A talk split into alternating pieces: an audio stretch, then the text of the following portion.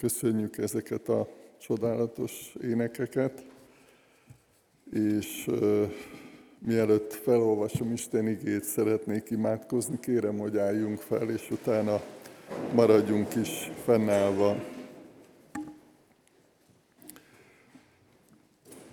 Drága mennyei atyánk, tényleg annyira kedves, annyira bátorító, hogy, hogy hívsz minket. És köszönjük, hogy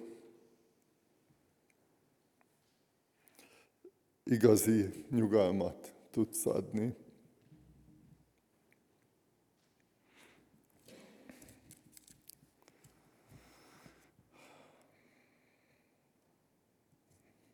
Kérünk, hogy szólj hozzánk ma is. Amen. A Jakab leveléből a negyedik fejezet hetedik versétől kezdődő szakaszt fogom olvasni. Jakab apostol leveléből a, a negyedik fejezet hetedik versétől így hangzik Isten igéje. Engedelmeskedjetek azért az Istennek, de álljatok ellene az ördögnek, és elfut tőletek. Közeledjetek az Istenhez, és ő közeledni fog hozzátok. Tisztítsátok meg a kezeteket, ti bűnösök, és szenteljétek meg a szíveteket, ti kétlelkűek. Gyötrődjetek, gyászoljatok és sírjatok, nevetésetek forduljon gyászra, örömötök szomorúságra. Alázzátok meg magatokat az Úr előtt, és ő felmagasztalt titeket. Eddig olvastuk Isten igét, foglaljunk helyet.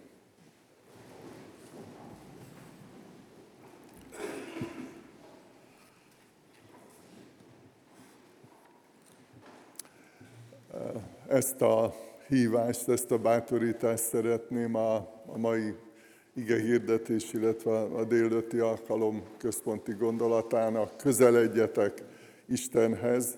Ezt Jakab apostol írta, de az egész Szentírásnak tulajdonképpen ez egy központi üzenete, hogy, hogy Isten meghív minket a vele való közösségbe, a vele való szoros kapcsolatba. És Jakab apostolról most nem akarok egy bevezetőt mondani Jakab leveléről, bár nagyon tanulságos egyébként, hogyha valaki szereti Bibliát tanulmányozni, érdemes végig olvasni, végig tanulmányozni Jakab levelét is.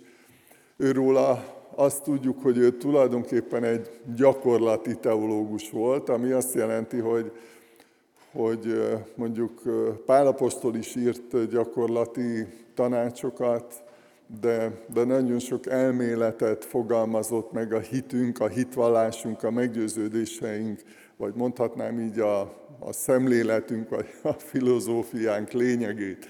Ő fogalmazta meg, mit jelent hinni, hogyan hiszünk, és Jakab apostolról pedig azt tudjuk, meg azt tapasztaljuk az ő leveléből, hogy nagyon sok gyakorlati kérdést vett fel, mit jelent a hétköznapokban a viselkedésünket, az emberi kapcsolatainkat tekintve, mit jelent hinni, milyen hatása van, ideális, normális esetben milyen hatása van a, a mindennapi életünkre a hitnek. És azért is húztam alá azt a kis szót, ami azért, hogy ez nem tűnik egy jelentős kifejezésnek vagy szónak, de de nagyon elgondolkodtató, hogy amikor egy ilyen egyszerű kis szót olvasunk, akkor vajon hogy került oda, vagy miért került oda? Engedelmeskedjetek azért az Istennek, de álljatok ellene az ördögnek, és elfut tőletek. Hát miért?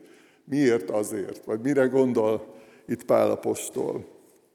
És jól tesszük, és jól teszitek, hogyha tanulmányozzátok, tanulmányozunk, olvassuk a Bibliát, hogyha az összefüggéseket is megpróbáljuk megérteni, és így, hogyha mondjuk elolvassuk az első néhány verset Jakab apostol leveléből, a negyedik fejezetből, akkor nagyon megrendítő dolgokat olvasunk, és azt még szeretném bevezetőben hozzátenni, hogy hogy azért is nagyon megrendítő ez, mert hogy keresztény közösségről van szó, egy tanítványi közösségről, egy gyülekezetről, Krisztus tanítványainak a közösségéről, és nem szeretünk erről gondolkodni se, beszélni se, de a Szentírás nagyon őszintén ír arról, hogy, hogy milyen küzdelmei vannak egy keresztény embernek, egy keresztény gyülekezetnek, és milyen kísértései vannak, és milyen bukásai lehetnek,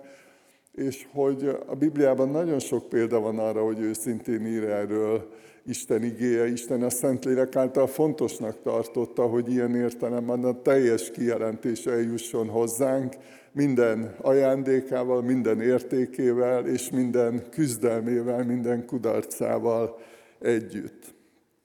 Például, miért? Az azt mondja, engedelmeskedjetek azért. Miért?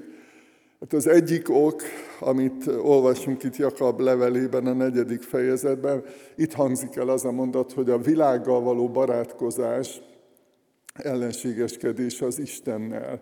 És itt nem, nem arra utal Jakab apostol, mint amit a János 3.16-ban mond az Úr Jézus, hogy, hogy úgy szerette Isten a világot, hogy egy szülött fiát adta, hanem hanem itt a, a gonoszságra utal inkább, a világ kifejezés, illetve szó olyan értelemben van itt, ami inkább a tisztességtelenségre, elkőstelenségre, gonoszságra utal, amikor valaki mondjuk egy tisztességtelen üzletben benne van, barátkozik a, a gonoszsággal, teret ad önmagában, vagy a szemléletében, vagy a, a viselkedésében a, gondosz, gonosznak, és Jakab apostol figyelmezteti a, a gyülekezetet, hogy a, a gonoszsággal való barátkozás ellenségeskedés az Istennel.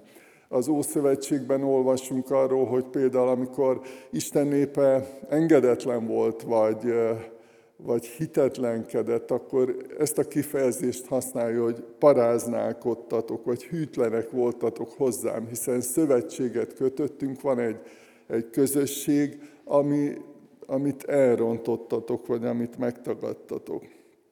A másik, amire utal Jakab apostol ebben a, a bevezető részben, a, az élvezetnek a, az istenítése, vagy a kényelem szeretet, sokféle kifejezés van erre, amikor nem a lényeg van a fókuszban, a középpontban, hanem valami olyasmi, ami inkább elvisz, elhúz az Istennek való élettől. Beszél a jellem hibáiról is, vagy a, a zavarokról, önzés veszélyére utal például, hogy milyen károkat tud okozni az emberi önzés. És egyébként volt olyan gondolkodó, aki azt mondta, hogy az emberiség legnagyobb problémája az önzés. Tehát amikor csak magunkra, vagy leginkább magunkra, vagy elsősorban magunkra gondolunk, és a magunk szempontjait vagy érdekeit tartjuk szem előtt.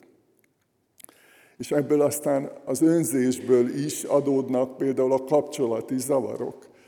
És például azt írja Jakab, hogy hát honnan vannak köztetek viszályok, harcok, feszültségek, zavarok, veszekedések, hát a bennetek dúló önző kívánságok miatt. És nagyon megrendítő azt látni, akár egy keresztény közösségben, de akár a saját magunk életében, emberi kapcsolataiban, családi kapcsolataiban, hogy, hogy ez az önzés milyen károkat tud okozni, hogy, hogy milyen viszályokat, milyen feszültségeket tud ébreszteni, milyen zavarokat okoz a, a kapcsolatban. És hát a jellemhibából adódik még valami, amit így mondunk, hogy a, a beképzeltség mai kifejezéssel, vagy önteltség, amikor az ember többre tartja magát, mint ahogy kellene. Nagyon érdekes, hogy, hogy milyen kísértéseink vannak e tekintetben is, hogy, hogy van, amikor teljesen rossz az önértékelésünk, és alul értékeljük magunkat, félreértjük az alázatnak a kifejezését, és és van, amikor meg túlbecsüljük, vagy túlértékeljük magunkat, és van egy eh, isteni kijelentés arról, hogy kik vagyunk, az identitásról is elég sokat beszéltünk az elmúlt években, hogy kik vagyunk, mint Isten teremtménye is, mint Krisztus megváltott gyermekei, és, és nyilván, hogyha ezeket csak így egymás után végig gondoljuk, hogy a gonoszszal való barátság, az önzés, vagy az élvezetnek a szeretete, vagy istenítése, vagy az ebből adódó kapcsolati zavarok, vagy a, jellem problémák, akkor mindjárt értjük Jakab apostolnak ezt a hívását, hogy közeledjetek az Istenhez, engedelmeskedjetek az Istenhez. Tehát egy olyan közelségbe hív minket, egy olyan kapcsolatra, ami igazi támaszt és segítséget jelenthet. Milyen közelségre gondol Isten igéje?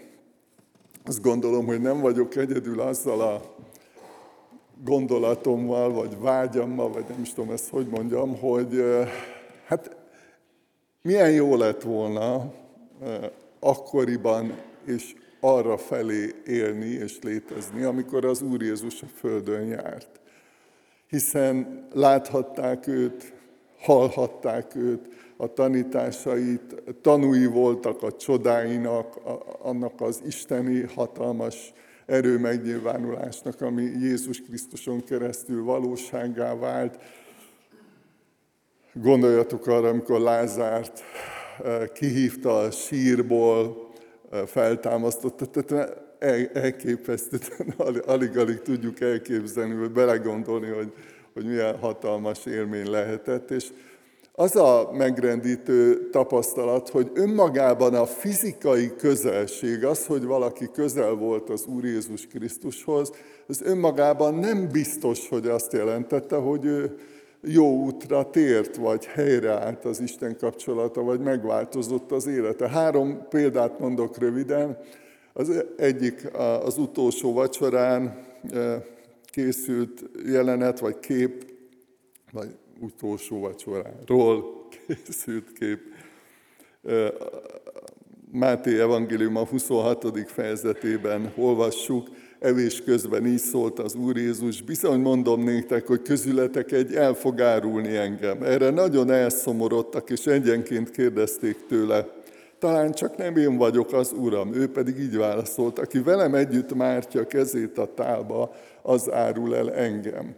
És Júdással kapcsolatban ez egy óriási kérdés, egy, egy feszítő kérdés, hogy tehát ott volt évekig Jézus Krisztus közvetlen közelében, beszélő viszonyban volt vele, ugyanúgy tanulta azt, amit a többiek, és, és hogy mégis önmagában az, hogy közel volt Jézus Krisztushoz, hogy az ő társaságához vagy tanítványi köréhez tartozott, önmagában nem jelentett neki megoldást, sőt nagyon rossz vége lett az ő sorsának, történetének.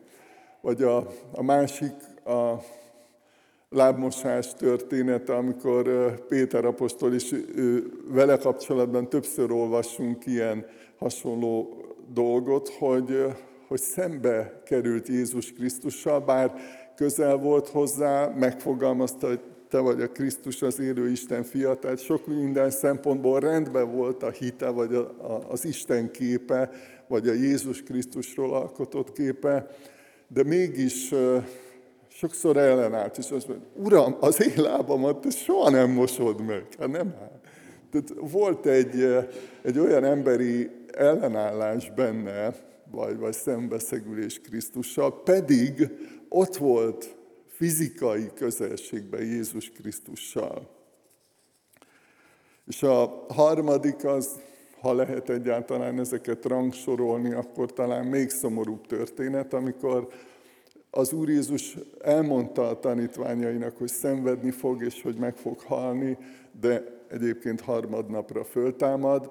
Tehát őszintén beszélt erről a, a várható eseményről, vagy eseményekről, a tanítványoknak, és Péter azt mondta, hogy hát ez nem történhet meg veled, Uram.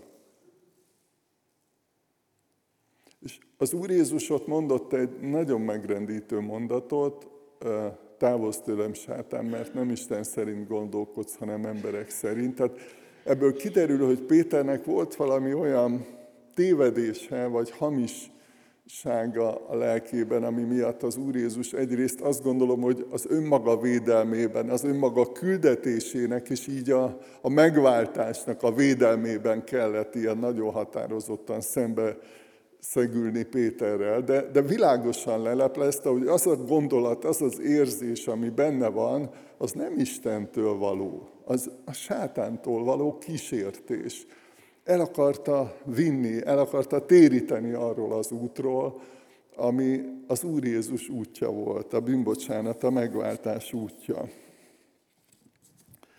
Az jutott eszembe, hogy egyszerűen mondta valaki, hogy hát vannak olyan emberek néha tanítványok vagy a keresztények között is, hogy hát akik úgy gondolják, hogy hát Isten mindent, jut, mindent tud, de hát én azért mindent jobban tudok. Péter is egy kicsit ilyen volt, és nem akarom őt bántani, mert egy, csodálatos ember, és tanulság egyébként, hogy mi is ugyanígy kísérthető emberek vagyunk, és mi is ugyanilyen veszélyeknek vagyunk kitéve, de gondoljunk erre, hogy önmagában a Krisztussal való személyes fizikai közelség még nem jelentette azt a garanciát arra, hogy, hogy minden a helyére került. Tehát az embernek is kellett, majd erről is fogok szólni, egy lépést tenni, vagy kapcsolódni az Úr Jézushoz.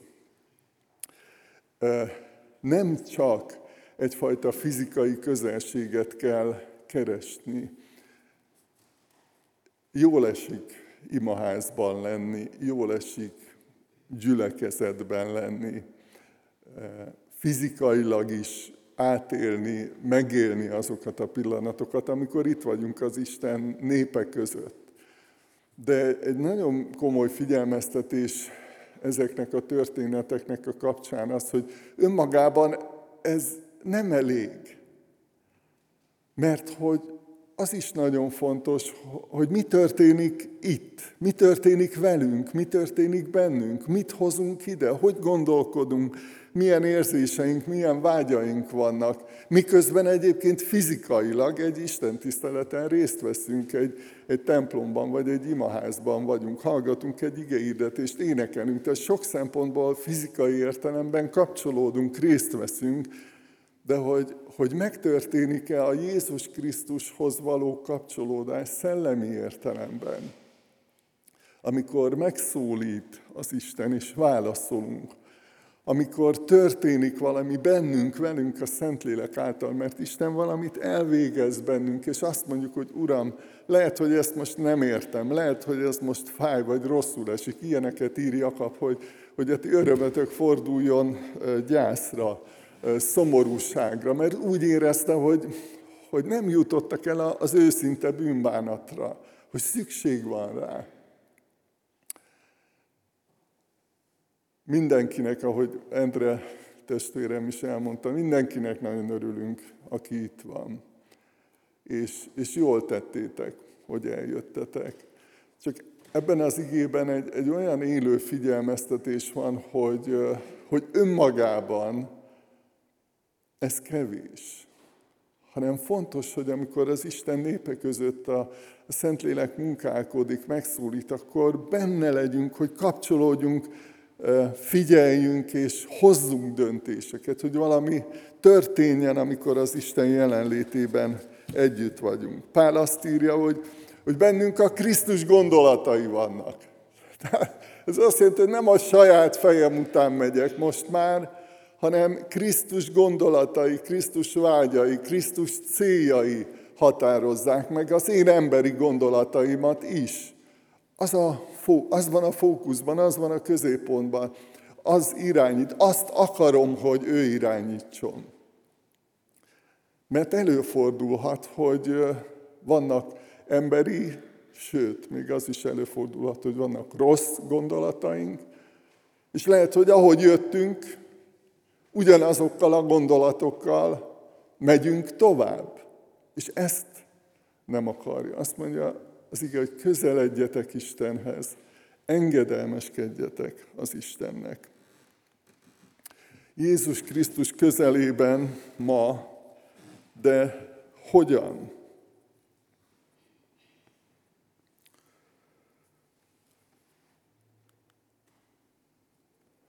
Keressétek először Isten országát és igazságát. Először Jézushoz jöjjetek. Valaki írt arról, hogy ő egyszer úgy járt, hogy keresztény emberekről van szó, Krisztus tanítványairól.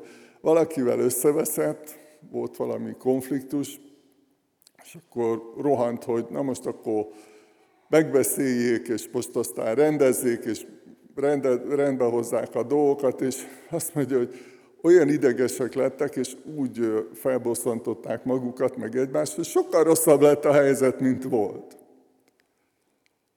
És ő azt, azt mondta, hogy, hogy akkor tanulta meg azt, hogy, hogy először Jézushoz kell menni.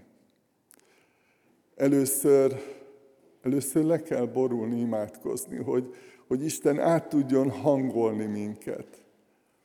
Nem csak a kommunikáció fontos, nyilván az, mert anélkül nem lehet valamit megbeszélni, rendezni, hanem, hanem az, hogy, hogy isteni gondolatokkal, isteni benyomásokkal, isteni szemlélettel és szeretettel menjünk bele ezekbe a, a rendezni való dolgokba akár egy házasságban, akár egy, egy családi probléma kellős közepén, egy örökösödési vitában, és sorolhatnám, annyi ilyenbe beleszaladhatunk a, az életünk során, és hogy keressük először Isten országát.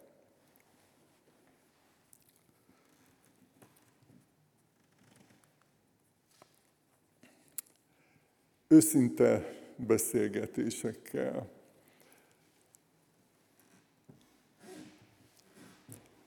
A Biblia ír egy beszélgetésről, János Evangélium a negyedik fejezetében olvasunk, így ismerjük azt a történetet, hogy az Úr Jézus találkozik a kútnál a samáriai asszonyjal, és beszélgetnek vele, beszélgetnek együtt egymással, és, és nagyon megdöbbentő, ahogy felszínre jönnek a, a tisztázatlan és a tisztátalan dolgok. Olyan volt az a beszélgetés, mint amikor az az asszony belenéz a tükörbe, csak most nem a frizuráját, vagy nem az arcát, vagy a sminkét ellenőrizte, hanem, hanem hogy mi van belül, mi van a lelkében. És azt mondta az asszony, csak a beszélgetés egy részletét olvasom, nincs férjem. Jézus erre azt mondta, jól mondtad, hogy férjed nincs, mert öt férjed volt, és akivel most élsz, nem férjed, ebben igazat mondtál. Hát így kívülről vagy messziről olvasva vagy figyelve ezt a történetet, hát ez elég ijesztő, nem? Hogy elkezdenek beszélgetni, és hát kiderül, hogy a, a szívébe lát, a múltját ismeri, mert hogy Jézus Krisztus egy az atyával, ő, ő az Isten, ő az Isten fia, és hogy, hogy egyszerűen tudta, hogy ki az az ember. És nagyon tanulságos, majd a következményekről is fogok egy picit beszélni, de hogy, hogy ez az asszony nem menekül el. Biztos, hogy nem esett neki jól, meg kellemetlen volt, de hogy az őszintességnek, az Isten előtt való őszintességnek hatalmas ereje van.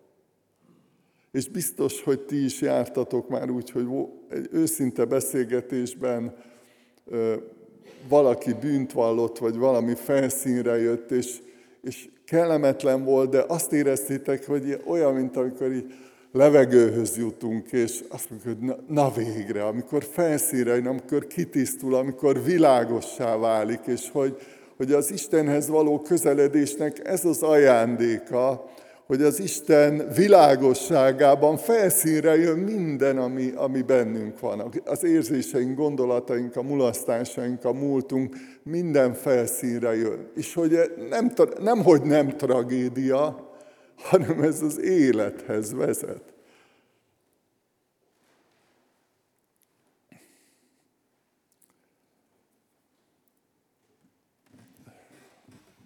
Egy személyes érzést vagy benyomást hadosszak meg veletek, hogy, hogy azt gondolom, hogy, hogy van a mai, nem, nem annyira széles az ismeretem e tekintetben, de a mai mi kis keresztény, vagy budapesti, vagy magyarországi kis keresztény krisztusi világunkban van egy előrelépés ez ügyben, hogy, hogy őszintébbek vagyunk. És ez néha fájdalmas, mint ahogy egy, egy emberi kapcsolatban, egy bűnvallásnál, vagy valamikor valaki elismeri a, a, azt, amit elrontott. De hogy olyan felszabadító, és lehet rá építkezni, de, de tudnunk kell, hogy ez a csoda, ez csak Jézus közelében, Jézus világosságában történhet meg. Másképp rossz lesz a folytatása, a következménye. Annyira megrendítő az a pillanat, amikor oda vonszolnak egy nőt, akit házasságtörésen tetten értek, és, és az Úr Jézus elmondja azokat a mondatokat, és úgy folytatja, hogy, hogy én sem ítélek el téged. Tehát ne, nem azt mondta, hogy nem történt baj, hanem azt, hogy látta a szívében, hogy, hogy mi történt. És hihetünk abban, és biztatlak titeket, hogy higgyünk abban, hogy, hogy az Úr Jézus látja, hogy a szívünkben mi történik.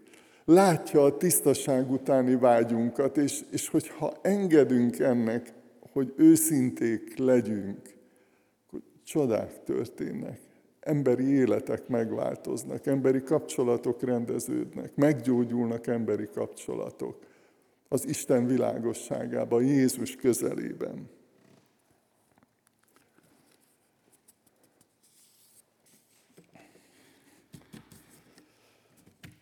Egymás mellett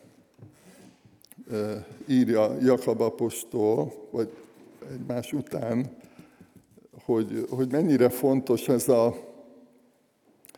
ez a közeledjetek Istenhez, és álljatok ellene az ördögnek. Vagy engedelmeskedjetek az Istennek, és álljatok ellene az ördögnek. Hogy mind a kettőre szükség van.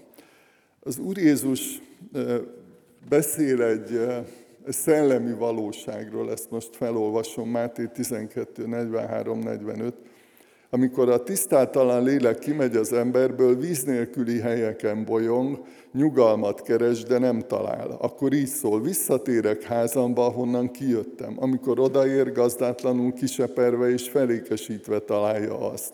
Akkor elmegy, vesz maga mellé még másik hét magánál is gonoszabb lelket, bemennek és ott laknak, és annak az embernek az utóbbi állapota rosszabb lesz az előbbinél. Ez történik majd ezzel a gonosz nemzedékkel is, mondta az Úr Jézus. Tehát nem elég őszintének lenni, nem elég visszautasítani a kísértést, vagy rendezni a múltat, hanem be kell fogadni azokat az ajándékokat, Jézus Krisztust magát, a Szentlélek ajándékát be kell fogadni ahhoz, hogy, hogy teljes legyen a, a siker, a győzelem. És ezért írja így egymás mellett az igaz, hogy engedelmeskedjetek az Istennek, és álljatok ellen az ördögnek, mert elfut tőletek. Ez a kettő együtt.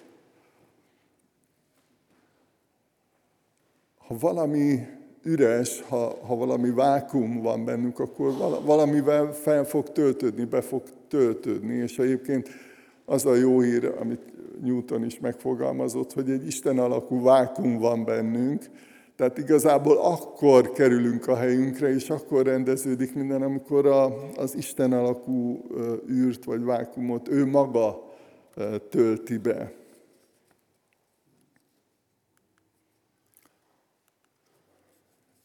milyen hatása van. Amikor közeledünk Istenhez, akkor megéljük a vele való közösségnek a, a megerősödését. Ezt egyébként azt gondolom, hogy mindannyian, akik értelmes, gondolkodó emberek vagyunk, érezzük és tudjuk, tapasztaljuk, hogy hogy milyen tartalmas egy kapcsolat, akár egy emberi kapcsolat, vagy akár az Istennel való kapcsolatunk. Nyilván, ha nem töltünk vele időt, ha nem beszélgetünk vele, akkor elhidegülünk ugyanúgy, mint egy emberi kapcsolatban. Tehát ezek valóságos kérdések, illetve kihívások. Van egy ilyen Biblia tanulmány, hogy Isten megtapasztalása az a címe, aminek az a lényege, hogy, hogy ott legyél, ahol Isten látni akar, és ott legyél, ahol Isten munkálkodik, és akkor az ő közelében, az ő jelenlétében a helyeden vagy, és tartalmas az életed. Ugye ez azért izgalmas kérdés, mert a hitvallásunk szerint, a meggyőződésünk szerint Isten mindenütt jelen való, csak mi nem mindig vagyunk ott, ahol lenni kellene, ahol, ahol megláthatjuk őt, ahol arról az oldalról és azt az oldalát láthatjuk meg, amire szükségünk van.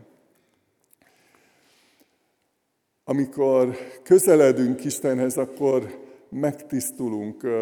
Van a Bibliában egy ilyen kép is, hogy, hogy a, a tűz megtisztít, az isteni ige megtisztít maga, az Úr Jézus mondta, hogy ti tiszták vagytok az ige által, amit én mondtam nektek. Tehát, hogy, hogy van egy, egy megtisztító hatalma, ereje az Isten igének, ahogy, ahogy világossá teszi, felszínre hozza az igazságot. Megtisztít és betölt önmagával. Rád száll az Isten lelke, és más ember leszel. Még a jellemed is változik, formálódik. Új ember leszel. Sok képet használ erre a Biblia, hogy mi történik, amikor Isten jelenlétében vagyunk, amikor az ő közelében vagyunk. Amikor az Úr Jézus jelenlétében vagyunk megtisztulva, tiszta lelkiismeret, akkor felszabadult öröm van bennünk, és ahogy ez a samáriai asszony is ne, nem zuhant össze azért, mert szembesítette Jézus a múltjával, világossá tette, hogy ő tudja, hogy honnan jött, és hogy mi van mögötte. Azt mondja, hogy visszament a, a városba, és szólt az embereknek, hogy jöjjetek, lássátok. Tehát egy misszionárius lett belőle, egy hívogató, egy, egy evangélista lett. Jöjjetek Jézushoz, gyertek, mert nekem is megmondta, hogy, hogy, hogy mi van velem, hogy ki vagyok én valójában. Tehát, hogy elképesztő, hogy, hogy a Jézussal való találkozás milyen ajándékká válik, és, és azt gondolom, hogy ez is olyan, amit tapasztaltatok, hogy rendeződnek a kapcsolatok, hogy őszinték lehetünk, ami néha, ahogy említettem, fájdalmas, de, de rendeződnek a kapcsolatok. Én magam is átéltem ilyet, de, de lelkipásztorként előfordult olyan is, hogy, hogy a szemem előtt történt olyan, hogy valakiről, akiről tudtam, hogy elromlott a kapcsolatuk, hogy beszélgettek, átölelték egymást, utána imádkoztak együtt, és hát ez valami olyan mennyei érzés, olyan öröm látni is. Tehát van egy kisugázás, nem csak viselkedési formákat lát ilyenkor az ember, hanem tényleg annak a valóságát, hogy igen, Jézus közelében megtörténik ez a csoda hogy leomlanak válaszfalak, hogy nem kell úgy tovább menni, nem kell abban az elromlott kapcsolatban élni, amiben eddig. És amikor Jézus közelében vagyunk, akkor tudni fogjuk, hogy hogyan tovább. Ézsajás könyvének a hatodik fejezetéből olvasom Ézsajás elhívásának egy rövid részletét az Úr szavát hallottam, aki ezt mondta, kit küldjek el, ki megy el követségünkben. Én ezt mondtam, itt vagyok, engem küldj. Menj és mondd a népnek. Elküldte az uh, Isten hogy menjen és, és szolgáljon. Elképesztő csodák történnek így, amikor közeledünk Istenhez, amikor engedelmeskedünk neki, és Ézsajásra visszautalva, ő is azon panaszkodott, vagy sírt, hogy Uram, hát tiszteltalan ajkú vagyok, és tiszteltalan ajkú nép között lakom. Tehát nem, nem tökéletes és hibátlan ember volt, vagy olyan családból, vagy közösségből indul, de hogy, hogy mégis amikor átélte a megtisztulás örömét Isten jelenlétében, akkor mindjárt következett kit küldjek el? És azt Uram, én megyek. Mit tegyünk? Hogyan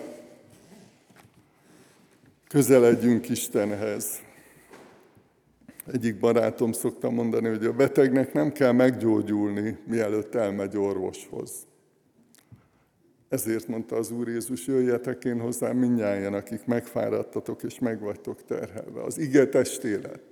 Ha az igéhez jövünk őszintén, Isten igéjét keressük, kutatjuk, olvassuk, Jézushoz jövünk. Ő a testélet ige. Erről is volt ma már szó a ima közösségben, ima órán. Ketten vagy hárman együtt vannak, köztött, közöttük vagyok, mondta az Úr Jézus. Tehát ha a közösségben vagy, Jézus közelében vagy. Vagy ahogy fogalmaz, az egymás hit által épülünk. Keres kapcsolatot és építs kapcsolatot Krisztus tanítványaival. Úgy is keresheted a közelségét, hiszen mindannyian tanulunk, mindannyian Jézus közelében átveszünk ajándékokat, értékeket, és, és ha egymást keressük, akkor egymástól is nyerhetünk. Tehát, hogyha ha Jézus Krisztus jelen van az életünkben, akkor mindannyian kapunk egymástól is ilyen ajándékokat. És amit még szeretnék aláhúzni, hogy, hogy amikor ez van a szívünkben, ez a vágy van a szívünkben, hogy közeledjünk Istenhez, akkor ne hagyjuk abba. Mert van egy ilyen kísértésünk, meg nyilván a, a kísértőnek ez célja, hogy azt mondja, hogy most már elég, nem kell ezt annyira komolyan venni, nem kell olyan sok időt tölteni ezzel, nem kell annyira odafigyelni erre. De hogy járjunk a végére. Nagyon érdekes megfigyelni Jézus Krisztusnál, ugye említettem, hogy a tanítványokkal is több éven keresztül együtt volt, és még, még a vége felé is, sőt, még, a feltámadás után is azt olvassuk, hogy, hogy hát a tanítványokban azért voltak kétségek. Ezt őszintén leírja Máté 28-ban. Kétségek voltak bennük. De, de végére járt. Végigment. Aki mindvégig kitart, azt írja az ige, az üdvözül. És volt olyan érdekes, hogyha az Úr Jézus szolgálatait, gyógyításait nézzük, akkor volt olyan, amikor egy pillanat alatt meggyógyított valakit, vagy egy kérdésre válaszolt, és minden rendeződött. Volt, amikor mondjuk egy hosszabb beszélgetés, egy vacsora, mondjuk Zákeussal, egy hosszabb idő volt, amíg eljutott a megtérésre, a felismerésre, a döntésre, a, arra, hogy Krisztus követője lesz, hogy elfogadja ezt. Volt még a gyógyítási történeteiben is olyan, amikor egy pillanat alatt meggyógyított valakit, és volt, amikor hát még egyszer, még egyszer.